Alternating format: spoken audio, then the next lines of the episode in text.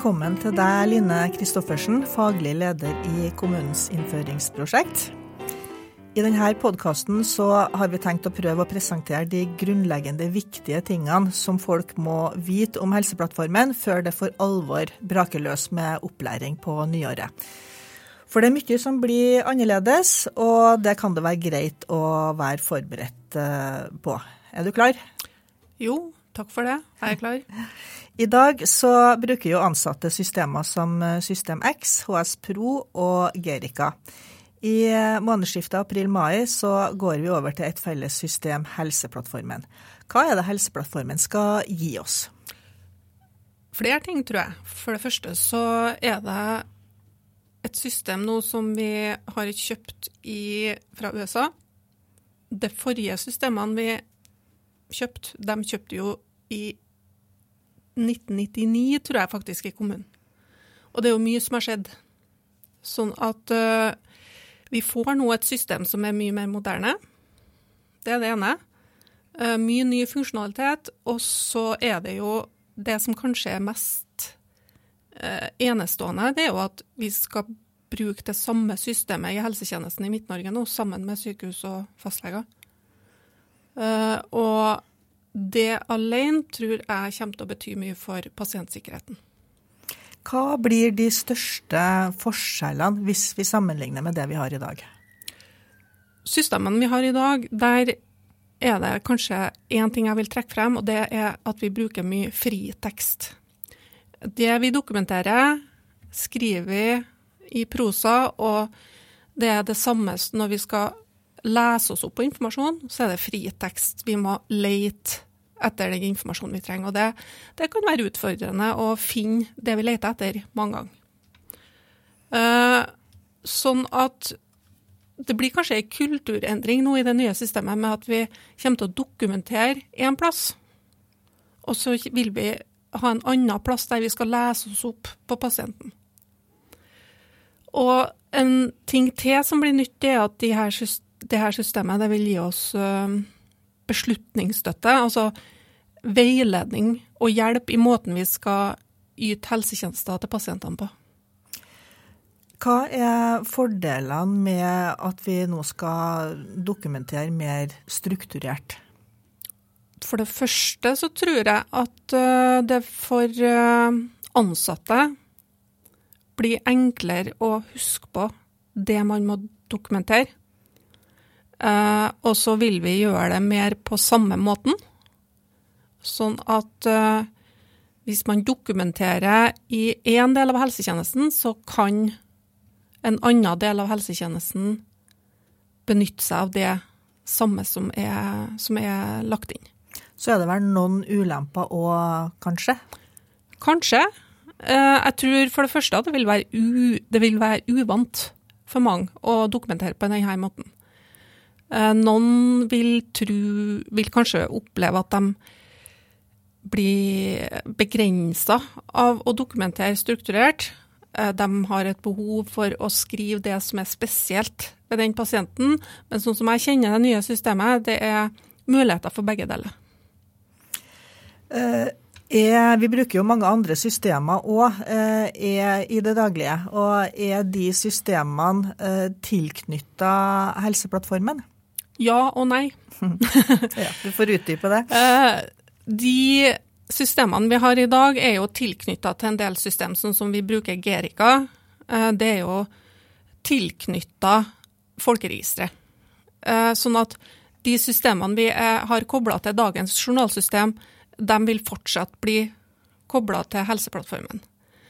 I tillegg så vil vi knytte eller integrere, da, som vi, som vi så fint sier, et par nye system, eh, bl.a. turnussystemet vårt Skatt og personalsystemet Blue Garden. Men eh, det betyr jo ikke at vi skal tilknytte alle. Vi skal fortsatt skrive avvik i kvalitetet, kvaliteket.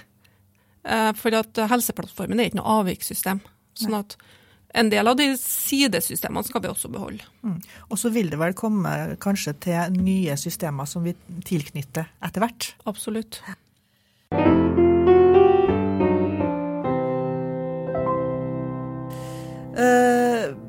Har jo vært inne på det, det at det her blir en felles journal for sykehus og kommuner, og også fastleger. Eh, hvilke fordeler vil det være for, eh, for samhandlinga, ser du? Uh, vi skal jo fortsette å bruke de her e-meldingene, eller PLO-meldingene som noen kaller det, når vi f.eks. legger inn en pasient på sykehuset. Men det vi legger ved av informasjon i dag, må vi ofte skrive inn hver gang, eller vi bruker en sånn klipp-lim-funksjon. I Helseplattformen så tror jeg mye av den informasjonen som skal ligge ved innleggelsesrapporten, vil bli lagt inn automatisk av journalsystemet, sånn at det blir enklere for oss å skrive en innleggelsesrapport, mindre omfattende. Det er et eksempel. Uh, en annen ting som òg er en fordel med, i samhandlinga mellom kommune og sykehus, det er jo at en god del av informasjonen som ligger der nå, vil være tilgjengelig for begge partene. F.eks. medikamentlister og diagnoselister. Mm. Så um, da får vi en stor fordel med at vi sjøl kan slå opp. Mm. Uh, noen har jo allerede kikka litt på løsningen, uh, som er den er jo riktignok under bygging, men vi har vist frem en del gjennom demonstrasjonsfilmer uh, osv. Eh, når man logger seg på, så kan det se ut som at det er fryktelig mye informasjon på en gang, og at det virker litt eh, overveldende. Hvorfor er det sånn? Det er mye informasjon. Det er nå det ene. Ja. og så er det vel litt med at vi er vant å bruke nå de systemene vi har brukt frem til nå i 20 år. Så det å bli kjent med de nye Skjermbildene, det må vi kanskje bruke litt tid på. Men jeg tror etter hvert så, så får vi til det. Mm. Det er vel sånn som det er med alt nytt, at det er litt uh, tilvenning som skal til. Absolutt. Mm. Og så vet jeg at det blir en del uh, nye begrep som vi må uh, forholde oss til når vi får en ny felles løsning. Kan du komme med noen eksempler på det? Ja, språk er viktig. Et eksempel på det som kanskje er ukjent for oss i kommunehelsetjenesten, er begrepet forordning. Det bruker Helseplattformen om forskjellige ting. Eh, vi er kanskje vant til å tenke forordning om det å skrive ut resepter. Men i Helseplattformen så bruker de det ordet om flere ting, bl.a. det å sende en henvendelse eller det å gjøre en bestilling. Sånn at uh, dette er vel noe vi må bruke litt tid på å lære oss. Mm. Og så tenker jeg kanskje ett begrep som vi må dvele litt ved, og det er at uh, nå skal vi begynne å bruke begrepet pasient, og det er nok litt fremmed for oss i kommunen. Det vil jeg tro, fordi at i kommunen i dag så Mange vil kanskje tenke at vi bruker ordet bruker. Uh, og mange i kommunehelsetjenesten bruker det begrepet, men vi, vi er ikke helt enige i dag heller. Uh, noen bruker ordet beboer, mens andre bruker person. Og så får vi det nå da at vi skal bruke det samme systemet som spesialisthelsetjenesten og fastlegene. Sånn at i arbeidet med oversettelse så må vi finne en, si, en felles vi må, bli, vi må enes om språket. Mm. De, dere forskjellige begrepene skal vi komme nærmere uh, inn i, i, noe videre framover. Vi rekker ikke mer i den podkasten her. Uh, men uh, hvordan kan ansatte og ledere forberede seg best mulig på det som kommer?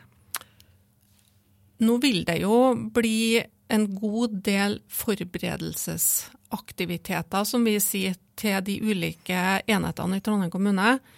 Og jeg tror at det som kanskje for meg blir viktigst, det er at når vi kommer til den dagen hvor ansatte skal på opplæring, så bør de ha vært inn i systemet på forhånd. De bør ha satt seg inn i en del av kanskje noen opplæringsvideoer. Altså at, at ikke du møter Helseplattformen for første gang på opplæringsdagen. Det tror jeg kan bli overveldende, og jeg tror at det er viktig nå at vi bruker tida framover mot april 2022 til å være best mulig klar til å ta imot det nye systemet.